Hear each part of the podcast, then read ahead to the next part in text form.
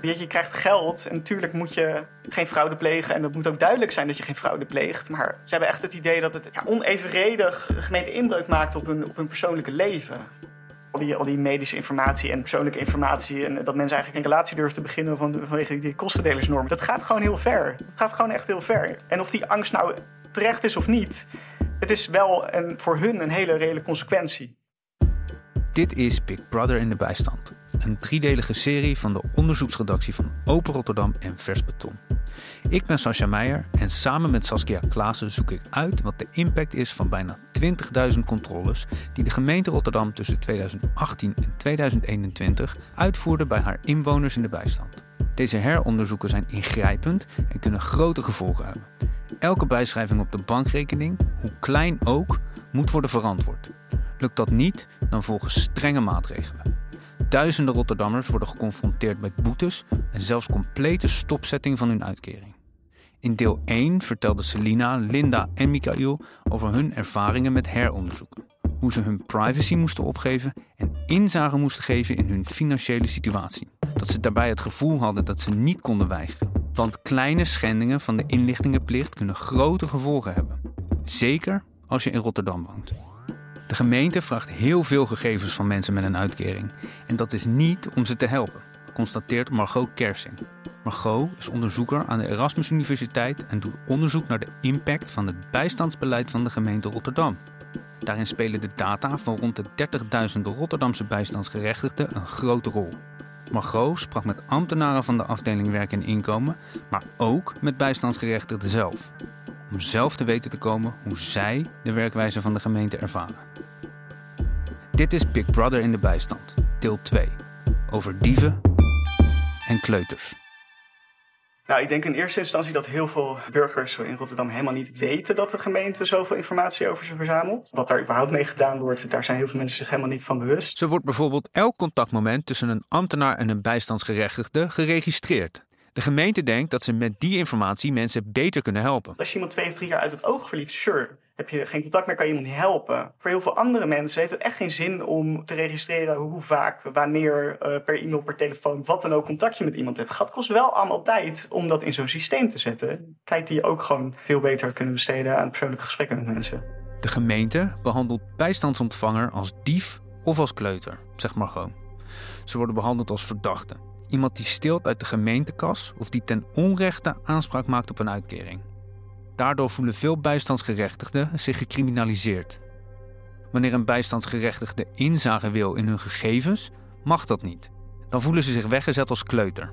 Net als wij is ook Margot verrast door hoe erg de gemeente Rotterdam haar burgers belast met de heronderzoeken. De werkwijze is in strijd met de privacywet, stelt Margot. Maar de participatiewet zegt juist dat het wel mag om burgers het hemd van het lijf te vragen. Wat mag je nou als gemeente nou eigenlijk wel of niet vragen? Daar is discussie over. Omdat je het, zeg maar, de participatiewet en ja, de AVG, daar schuurt het eigenlijk een beetje. Die zijn eigenlijk een beetje tegenstrijdig of meer uh, ruimte voor interpretatie. Bijvoorbeeld in de participatiewet, eh, in artikel 17, paragraaf 1 staat het volgende. Dat gaat over de. Ik heb hem er even bijgepakt. Uh, de belanghebbende doet aan het college op verzoek of onverwijld uit eigen beweging mededeling van alle feiten en omstandigheden waarvan hem redelijkerwijs duidelijk moet zijn dat zij van invloed kunnen zijn op zijn arbeidsinschakeling of het recht op bijstand. dus je moet informatie geven die redelijkerwijs relevant is. Dat redelijkerwijs geeft gewoon heel veel ruimte voor individuele ambtenaren. Ik vind dit wel relevant. Dat moet je mij wel vertellen, anders wordt je uitkering gestopt. Redelijkerwijs is in de praktijk dus een rekbaar begrip. Het ligt er maar net aan hoe streng de ambtenaar is die de bijstandsgerechtigde controleert. Tegelijkertijd zegt de privacywet AVG dat de overheid alleen de meest noodzakelijke informatie van burgers mag vragen. Nou, je merkt dus dat, dat daar discussie over kan ontstaan wat dan wel of niet mag. Dus dat is heel vervelend. Dat stelt eigenlijk de gemeente in een sterkere juridische positie dan, dan iemand met een uitkering. Margot was vooral benieuwd hoe mensen in de bijstand met de datahonger van de gemeente omgaan en heeft ontdekt dat er sprake is van een soort kat-en-muisspel. Een uh, persoon omschreef dat echt als een soort van duw- en trekspelletje. Uh, een soort van, als ik hun wat geef, dan gaan ze weer doorvragen. Dan willen ze dat ook weten. En dan ga ik dat dan wel of niet geven. Eh, mogen ze dat wel vragen? Wil ik dat wel, wil ik dat, wil ik dat wel vertellen? Uh, maar hoe, hoe, meer je ze geeft, hoe, hoe meer ze ook aan je gaan trekken voor meer informatie. Net als ambtenaren zijn dus ook bijstandsontvangers vol wantrouwen. In hun onderzoek onderscheidt Margot vier strategieën om met het datahonger van de gemeente om te gaan. Zo beschermen Rotterdammers zich tegen de gemeente. 1. Pleasen. Als ik maar doe wat er van me gevraagd wordt, krijg ik ook geen problemen. Denken deze mensen. Ze leveren voortdurend bewijs aan dat ze niet kunnen werken en geen fraudeur zijn. Nemen zelfs brieven mee van hun dokter. Ze hebben er geen vertrouwen in dat de gemeente ze gaat helpen. 2. Vechten. Ik geef alleen informatie als dat echt nodig is. En dus vragen ze bij elk verzoek van de gemeente naar het waarom. Ze willen ook alles zwart op wit zien. Dat doen ze vanwege de laconieke houding van de gemeente wanneer de gemeente zelf een administratieve fout maakt. 3. Terugtrekken. Ik heb geen zin in al die opdringerige vragen, dus ik regel zoveel mogelijk contant. Deze Rotterdammers willen zelfs geen informatie delen over hun persoonlijke omstandigheden of gezondheid. En passen daarom hun leven aan zodat er niks te delen valt. Vaak schamen ze zich ook dat ze in de bijstand zitten. 4. Hulptroepen zoeken. Ik krijg niets voor elkaar, maar een belangenbehartiger misschien wel. Ze nemen iemand mee naar het gesprek of roepen de hulp in van iemand die meer weet van de bijstandsregels. Deze mensen voelen zich vaak niet serieus genomen door de gemeente. Wat Margot het vaakst ziet, is dat mensen zich proberen te verstoppen. Ja, die trekken echt een muurtje om zich heen op. Die willen met rust gelaten worden. Ik denk dat dit... Ik vermoed dat dit de grootste groep is. Linda is daar een voorbeeld van. Laat maar, zoek maar. Ga maar even een tegenpost zoeken. En als je het niet kan vinden, prima. Maakt mij niet meer zoveel uit. Mensen zijn echt bezig met overleven. Er, er is gewoon geen ruimte ook voor überhaupt kritisch nadenken over wat de gemeente met jouw data doet. Weet je, je, je hebt zoveel ballen in de lucht te houden. Maar een kleine groep komt in verzet tegen de onrechtvaardigheid waaraan ze worden blootgesteld. Selina begon met pleasen, maar heeft inmiddels schoon genoeg van de meedogenloze en rechtlijnige behandeling van de gemeente. Hoe meer informatie ze geeft, hoe meer ze in de problemen komt. Het met terugwerkende kracht en tot de laatste cent terugbetalen van haar weduwepensioen was voor haar de druppel. Wat moet je nou? Wat moet je nou? Weet je wel? Want op een gegeven moment is het gewoon klaar. Voor mij is dat nu met de pensioen, dat is, dat is gewoon klaar. Ze, hebben ze pakken me zo hard aan en zo cool en zo kil. En eh, nee, en dan kan je zo we zijn nu coulanten geworden. Nou, uh, niet bij mij, echt niet. Nee. Tegen de Rotterdammers die in beroep gingen, trad de gemeente ongelooflijk hard op, herinnert Linda zich. Ze ging in beroep tegen een boete die ze moest betalen omdat ze te laat over haar nieuwe baan had verteld. Vijandig. Dat is dat je bezwaar aantekent. Dan kom je, kom je eerst in een hoorzitting. En er zitten ook mensen van het beroepsveld erbij. Die kijken dan mee. De juristen van de gemeente Rotterdam, ik en dan mijn advocaat. Dus drie mensen van beroepsveld. En dat was echt een vijandig gesprek. En het was voornamelijk tussen mijn advocaat en een jurist. Maar je voelde je echt van, waar haal je de gore vandaan om, bezwaar aan te tekenen? Ik ben gewoon echt een fraudeur. Zo voelde ik me daar. Gewoon echt gestrekt been gingen ze erin. Het was echt een, een, een. En die andere, die andere die erbij stond, die hadden zoiets van, oké, ja, het is zo. Ik had ook een discussiepunt, dat ze zei dat ik iets niet had, niet had aangeleverd. En ik had het wel gedaan. Of dat ze mij hadden opgebeld. Ze hadden mij niet opgebeld. Maar ja, daar kan je niet, daar kan je niet uh, mee, komen, mee aankomen. Er werd dus gelogen? Er werd gelogen. Er werd, er werd gewoon keihard gelogen. En als je als uitkeringsgerechtigde dan de moed hebt verzameld om in beroep te gaan... is het ook nog eens vrijwel onmogelijk om je gelijk te halen. Ziet ook Margot. Het is heel lastig. Het kan wel. Je kan natuurlijk altijd bezwaar aantekenen tegen, tegen beslissingen. Je kan het eh, tot de rechter laten komen. Maar wat wel zo is, is dat je eigenlijk altijd juridisch gezien achter staat. De juristen van de gemeente kennen alle hoekjes en gaatjes en alle wetten en regels. Ze weten alles, zeg maar, wat mogelijk nuttig kan zijn voor de gemeente. En je mag maar hopen dat je je een advocaat hebt die dat, die dat ook kan. Maar dat is vaak niet het geval. Als je het al aandurft om zo hard tegen de gemeente in te gaan, dan zit je alsnog in een hele kwetsbare situatie, denk ik, met, met een flinke kennisachterstand. Ook Mikael is pessimistisch over de kansen die bijstandsgerechtigden maken om gelijk te krijgen. Volgens mij verlies je altijd van de overheid. Die hebben zulke goede mensen en je weet niet alle informatie en alle rechten die je hebt. De advocaat die ik had, die ook niet echt alles weet van elke procesgangen. Nee, die juristen, sommigen worden zelfs ingehuurd door de gemeente. Maar de juristen die zij hebben, die zijn ervoor om de zaken te winnen. Dus je bent dan geen klant van of een bijstandgerechtigde of zo. Je bent gewoon de tegenpartij in een rechtszaak. En zij willen de zaak winnen. En jij denkt, goh, ik, heb alle, ik voldoe aan alle wetgeving en regels enzovoort. Maar dan tovert zij ineens een stuk waar, waar je dat nergens kan vinden. En dat is dan buitenwettelijk begunstigd beleid. Dus buiten de wet om. En, en die beleidsstukken die bestaan dus. Dus eh, al voldoe je aan alle wetgeving en regels, dan nog kunnen ze dat omzeilen door een buitenwettelijke begunstigd beleid. Dacht, hé, daar heb ik nog nooit van gehoord, nooit, nergens van gelezen. En dan winnen ze toch nog de rechtszaak. Nou, dan heb je altijd verloren. Ik begreep hem helemaal niet. Ik heb het aan andere juristen eh, moeten vragen. Ik dacht, wat staat hier nou? Het komt erop neer dat ze dus buiten die wetregels die er zijn, dat ze dan toch een eigen beleid erop kunnen houden. In beroep en bezwaar ging de gemeente er keihard in, zegt ook advocaat Jacqueline Nieuwstraten. Pas als bijstandsgerechtigden in bezwaar en beroep gelijk kregen, koos de gemeente eieren voor haar geld en werd er geschikt. Uit cijfers van 2018, 2019 en 2020 van de gemeente blijkt dat van de 1000 bezwaren hooguit 5% gelijk kreeg. Ging je daarna in beroep, dan had je 15% kans om helemaal gelijk te krijgen. Jacqueline is als advocaat al sinds 1998 bezig met sociale zekerheid en de bijstand. Samen met haar collega Mark Huse deed Jacqueline sinds 2018 de meeste bijstandszaken in Rotterdam. Een afspraak met Jacqueline. Ja. Ja, prima.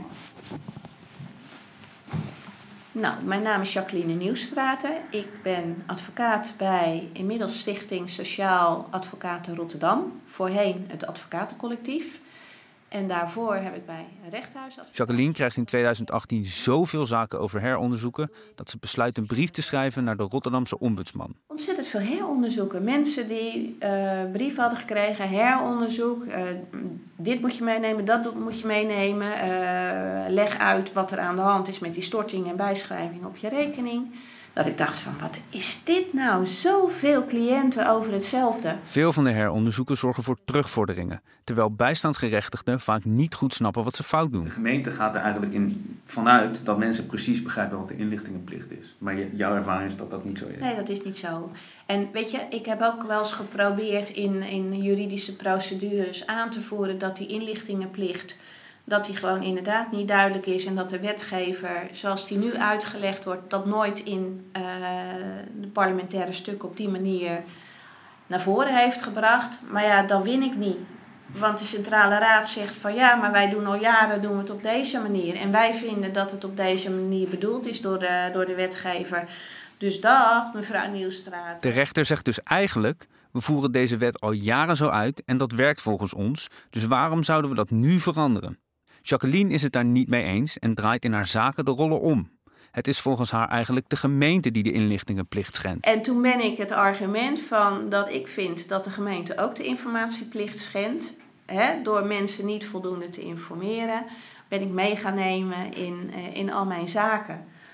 En toen heeft de bezwaarcommissie in één zaak aan de gemeente gevraagd van joh, uh, hoe informeren jullie mensen nou?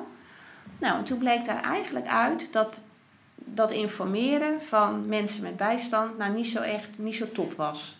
Dat, dat een aantal zaken gewoon echt niet uh, medegedeeld werden. Of, uh, nou ja, er is digitaal veel informatie beschikbaar, maar dat is volgens Jacqueline niet altijd de oplossing. Kijk, je kan wel mensen brieven blijven sturen, je kan mensen uh, verwijzen naar de website. Maar ik zie heel veel mensen die thuis geen computer hebben, die alles op hun telefoon doen, die er niet bij nadenken dat je uh, op de website van Rotterdam dat soort informatie hebt en dat je daar dan zelf op moet gaan kijken. Ik pleit er meer voor dat je gewoon een soort uh, sessies maakt waarbij mensen bij elkaar komen. En dat je dan informatie krijgt. Dat je gewoon eens even meegenomen. Het gevolg van het gebrek aan informatie ziet Jacqueline keer op keer terug in de praktijk. Kijk, wat ik natuurlijk in mijn spreekkamer zie, is dat mensen echt. Ze zijn echt aangedaan. Kijk, zo'n heronderzoek vinden ze op zich niet zo'n heel erg probleem. Meestal begrijpen ze dat wel, dat er gecontroleerd mag worden. Alleen dat zij dan bepaalde bedragen, en dat was met name in mijn, uh, mijn oudere zaken, bedragen moeten terugbetalen die ze op hun rekening hebben gestort gekregen, omdat ze eigenlijk geld tekort komen en dus hulp van andere mensen krijgen om die maand door te komen. En dat ze dan dat bedrag moeten terugbetalen en dat het ook nog eens in de systemen als fraude wordt eh, bestempeld. Dat vinden ze heel erg, want ze zijn geen fraudeur. En dat is iets, ehm, nou ja, waar menig traantje om gelaten is hoor. In, eh, in de spreekkamer, maar ook tijdens zittingen. Eh, zelfs nog bij de Centrale Raad. En dan ben je inmiddels alweer twee jaar verder zo ongeveer. Het beleid had toen dus een grote impact. En ze vraagt zich ook af of zo'n harde aanpak op mogelijke fraude bij bijstandsgerechtigden wel zo zinvol is. Fraude was natuurlijk een speerpunt van eh, de Rijksoverheid. En dat zijpelt door naar beneden. Want nou ja, iedereen, iedereen moet, moet tegen fraude zijn. Maar dan denk ik, want waar wordt er nou het meeste gefraudeerd? Zijn dat die mensen met een uitkering? Of zijn dat grote bedrijven, ehm, mensen met veel geld? Ehm, ja, dat weet ik niet. Ik weet niet waar je het meeste binnen kan harken. Foutjes van de gemeente hebben voor iemand met een uitkering vaak grote consequenties, maar blijven bij de afdeling werk en inkomen onopgemerkt. Neem het heronderzoek van Selina, waarvan ze dacht dat het was afgerond. Hè, kijk, en wat ik ook gewoon heel vervelend vond achteraf, is dat ik heb wel echt drie, vier keer toen het gesprek klaar was, hè, dat ze zei van, nou, ik heb alles gezien en ze deed alles in het mapje. Ze zei, mag ik alles houden, want ik eh, moet daar het een en ander mee. Ik zeg, prima, het zijn allemaal kopieën. Mapje houden, vind ik helemaal goed. En toen heb ik drie, vier keer tegen haar gezegd, luister, als ik hier de deur uitloop, zeg jij dan dat alles goed is. Want ik kan het er niet bij hebben dat ik nu naar huis ga en moet afwachten op een brief dat alles correct is. Want ik heb gewoon heel veel stress de laatste jaren. En toen heb ze echt drie, gezegd: nee, alles is in orde. Je hoeft je geen zorgen te maken. Prima. Nou, dat neem ik dan aan. Hè? Ik bedoel, je moet elkaar daarop kunnen vertrouwen. Nou, niet dus. Want een paar dagen later zit ik hier en de telefoon gaat. En ik krijg aan de telefoon. Ook heel streng. Luister eens, mevrouw, u heeft eh, niet alle documenten aangeleverd. En toen dacht ik, nou, die maken grapje. Dat kan gewoon. Dat kan gewoon. Dus ik zeg, ja, wat bedoel je? Nou, zegt ze, ik mis, eh, ik mis drie documenten. Ik zeg, ja, maar dat kan niet. Ik zeg, ik heb alles. Ik zeg, en je hebt zelf nog drie, vier keer. En toen werd ik boos. Ik zeg, je hebt zelf drie, vier keer tegen mij gezegd dat alles correct was. Dat ik met een gerust hart naar huis kan. Ik zeg, en het was ook niet de eerste keer dat dit me overkwam. Hè. In 2016 zijn ze toen alles van mij kwijtgeraakt. Dat heeft een week lang heeft dat in de postkamer gelegen. Dat is ook leuk hè, met je BSN en alles. En een week lang heb toen ook alles op hold gestaan om mijn eh, verhuizing en bijzondere bijstand. Dus ook weer extra stress. Na een week kwam dat dan tevoorschijn met excuses. Dus toen dacht ik, nou, nu ga ik weer en ik, ik krijg het weer. En toen zei ze, ze bleef volhouden. Nee, nee, nee, het lag echt aan mij. En ik moest het opsturen, want anders. Toen heb ik gezegd, nee, nee, ga ik niet doen. Want ik weet gewoon eh, duizend procent zeker. Je hebt het vier keer gezegd dat alles in orde was. En ik weet, ik zeg nee, omdat ik wil, die papieren moeten boven water. Want alles staat erop. Al je privé, hè, dan hebben we het over privé. Alles, eh, waar je woont, je BSN, heel je gegevens. Ze was een polissen, alles staat erop. Dus waar is het dan? Ik heb tegen haar gezegd, vind het maar, zoek het maar. Ik wil weten waar het is. Ik ga je echt geen nieuwe opsturen. Dus nou, een paar dagen later eh, belt ze op en toen zegt ze van... eh, ja, ik heb het gevonden, het lag in de scankamer. Iedereen maakt fouten, maar deze slordigheden kunnen een grote uitwerking hebben op het leven van een uitkeringsgerechtigde. Als Selina er niet bovenop had gezeten, was ze haar uitkering misschien kwijtgeraakt. Begrijpen ambtenaren wel hoe diep hun beslissingen ingrijpen in het leven van Rotterdammers? Margot vraagt het zich af. Ik denk dat ze echt wel mensen proberen te helpen. Maar ik denk ook dat heel veel mensen die bij de gemeente werken niet echt doorhebben wat voor impact het heeft op het leven van mensen met een uitkering.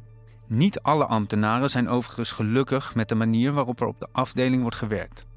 Margot onderzocht wat medewerkers van de afdeling werk vinden van de aanpak waarbij zoveel mogelijk informatie wordt verzameld over bijstandsontvangers. De collega's van de afdeling inkomen werken op dezelfde manier. Nou, datagedreven werken betekent eigenlijk heel simpel dat je op basis van beschikbare data rationele beslissingen neemt. In plaats van nou ja, op basis van meningen, onderbuikgevoel of je eigen ervaringen. En wat zijn die data dan? Nou, in dit geval van werk en inkomen, wat voor opleiding of diploma's iemand heeft, hoe lang iemand werkloos is, eh, geslacht, gender, huwelijkse staat, of iemand jonge kinderen heeft, fysieke, mentale, financiële problemen, en ook rijbewijs, Nederlandse taalbeheersing, digitale vaardigheden. Nou, en dat zijn dan de data waarmee ze dan die mensen proberen te helpen. Dat klinkt heel mooi, omdat het betrouwbaar lijkt, maar in de praktijk eh, werkt dat helaas niet altijd even goed. De datakwaliteit is meestal niet al te best. En eh, ja, het is zo, je moet ook maar de juiste informatie hebben om rationele beslissingen te kunnen nemen. En dat is er ook niet altijd. Margot kwam erachter dat er twee types ambtenaren zijn: mensgericht en cijfergericht. Het ene type wil graag mensen verder helpen. Het andere type is vooral gericht op het wegwerken van dossiers. Het lastige is dat de datagedreven werkwijze van de gemeente ervoor zorgt dat het werk inmiddels voor ongeveer 70% bestaat uit het invoeren van gegevens. Je kunt het je misschien al een beetje voorstellen. De ambtenaar die graag dossiers wegwerkt, kan zich wel vinden in al dat papierwerk. Maar een ambtenaar die graag op een persoonlijke manier wil helpen, heeft hier na dat eindeloze invoeren van data helemaal geen tijd meer voor. Ja, als we het dan over bijvoorbeeld werkcoaches hebben, sommigen uh, die vinden dat heel prettig. Die, zien dat helemaal zitten, die houden van structuur en lijstjes en dat soort dingen. En die, uh, die zien dat zo'n dashboard bijvoorbeeld, zij zien dat echt als hulpmiddel. Maar er zijn ook heel veel mensen die zeggen, ja, dat datagedreven werken, ik zit eindeloos informatie te registreren in die systeem. Ik hou heel weinig tijd over om echt een gesprek te hebben met die mensen. Als je dan kijkt naar wat in, in uh, evaluaties uh, naar, naar, naar buiten komt, wat die mensen prettig vinden en ook wat uit mijn interviews naar voren komt, ja, luister ze maar eens echt naar me.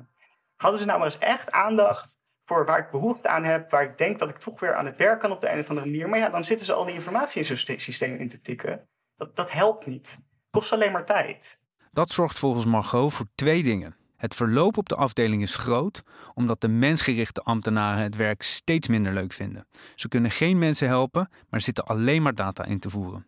En een ander probleem is dat sommige ambtenaren zo opzien tegen het invoeren van de data dat ze het uitstellen of het alleen doen als het echt moet. Daardoor is de data in de systemen van de gemeente soms niet volledig. En ik blijf zeggen, joh, het is niet van, oh, ik moet al dat geld. Nee, menselijkheid. Een boekhouder, geen emoties. Kijk hoe mensen moeten strukkelen, steek ze een hand uit. Ik ga mijn lijstje af, ik ben aan het werk en ik vink mijn lijstje af. Dat was het. En heel veel mensen zeggen van, nou, volgens mij is het ook gewoon bedoeld om ons bang te maken. Dan is zij ook heel streng tegen mij, heel cool. Dus, ja. Intimidatie. Ja. ja. Uiteraard hebben we de gemeente om wederhoor gevraagd. Herkennen ze de beschrijving die Margot geeft van hun werkwijze? Hoe kijkt de gemeente aan tegen de verhalen van Selina, Linda en Mikael? Hoe bepaalt de gemeente dat een fout verwijtbaar is en hoe hoog de straf dan moet zijn? En vragen ze zich net als wij wel eens af hoe mensen dit gaan terugbetalen? De gemeente wilde hier niets over zeggen. Konden we dan wel in gesprek met ambtenaren die in 2020 en 2021 werkten bij de afdeling Werk en Inkomen? Dit is namelijk de periode dat onze drie Rotterdammers langs moesten komen voor een heronderzoek. Een woordvoerder meldt dat alle ambtenaren van het team heronderzoeken uit die tijd zijn vertrokken. Op één na. Maar die wil de gemeente niet blootstellen aan onze kritische vragen. Dat iedereen is vertrokken verbaast Margot niet helemaal. Ook Henk constateerde vorig jaar dat het verloop op deze afdeling groot is en dat is deels te wijten aan de datagerichte aanpak. Vooral ambtenaren die graag mensen willen helpen, schrikken van de plicht om zoveel gegevens te registreren. Veel partijen in de Rotterdamse gemeenteraad hameren op het aanpakken van misbruik van de bijstand. Dat daarbij buitensporig veel informatie wordt gevraagd van inwoners in de bijstand, lijkt nauwelijks tot de raadsleden door te dringen. Maar in 2021 komt de Rotterdamse SP met een zwart boek vol klachten over de inlichtingenplicht. Volgens de partij worden tijdens de heronderzoeken de meest alledaagse en intieme gebeurtenissen met een beroep op de participatiewet verdacht gemaakt. Raadslid Aart van Zevenbergen stelt in de gemeenteraadscommissie kritische vragen over hoe de afdeling werk en inkomen met mensen in de bijstand omgaat. Bij ons meldpunt is duidelijk geworden dat mensen nog steeds ongegrond fraudeur worden genoemd. De overheid blijkt helaas ook op lokaal niveau niet altijd een betrouwbare partner, zelfs een wispelturige partner. Bent u bereid de organisatie WNI te laten onderzoeken op de dienstverlening en het serviceniveau aan de burgers. De dan verantwoordelijke wethouder Moti wuift de bezwaren in 2021 tijdens een commissievergadering weg. Hij ziet juist dat het aantal klachten afneemt. Vooral uitnodigend tegemoet te treden, uh, maatwerk te bieden. En we zien ook in de cijfers dat dat werkt. Uh, we zien het aantal klachten neemt jaar in jaar uit af. We zien ook dat de ombudsman constateert dat we de goede kant op gaan als het gaat om de burger met vertrouwen tegemoet te treden. En wat dat betreft is een onderzoek daarvoor niet nodig, want we meten dat ook voortdurend met tevredenheidsonderzoeken en andere indicatoren. Een wethouder die de mond vol heeft van de menselijke maat. Terwijl uit het onderzoek van Margot en de ervaringen van onze uitkeringsgerechtigden blijkt dat het met die menselijke maat allemaal wel meevalt. ambtenaren voeren nog steeds keihard de regels uit en hebben weinig aandacht voor de persoonlijke situatie van bijstandsgerechtigden. Het roept de vraag op of de wethouder zijn ambtenaren wel onder controle had. Een vraag die we in het volgende deel van deze podcast hopen te beantwoorden. Dit was deel 2 van Big Brother in de bijstand. Een podcast van Open Rotterdam en Vers Beton. Mede mogelijk gemaakt dankzij steun van het Stimuleringsfonds voor de Journalistiek. Het onderzoek voor deze podcast is gedaan door Saskia Klaassen en door mij, Sascha Meijer. Collega onderzoeksjournalist Romy van Dijk droeg bij met een kritische blik op een eerste versie van het script. Ik heb de productie en de muziek verzorgd en de opname, editing, mix en mastering van de podcast zijn van de hand van Joost de Jong. Eindredactie door Eva Liuku, Zoe Pinto Eneto en Davidson Rodriguez. We hadden dit verhaal niet kunnen vertellen zonder onze drie hoofdpersonen: Linda, Selina en Mikael. En daarnaast bedanken we graag Jacqueline Nieuwstraten, Margot Kersing en wethouder Tim Versnel voor hun tijd en bijdrage aan deze podcast.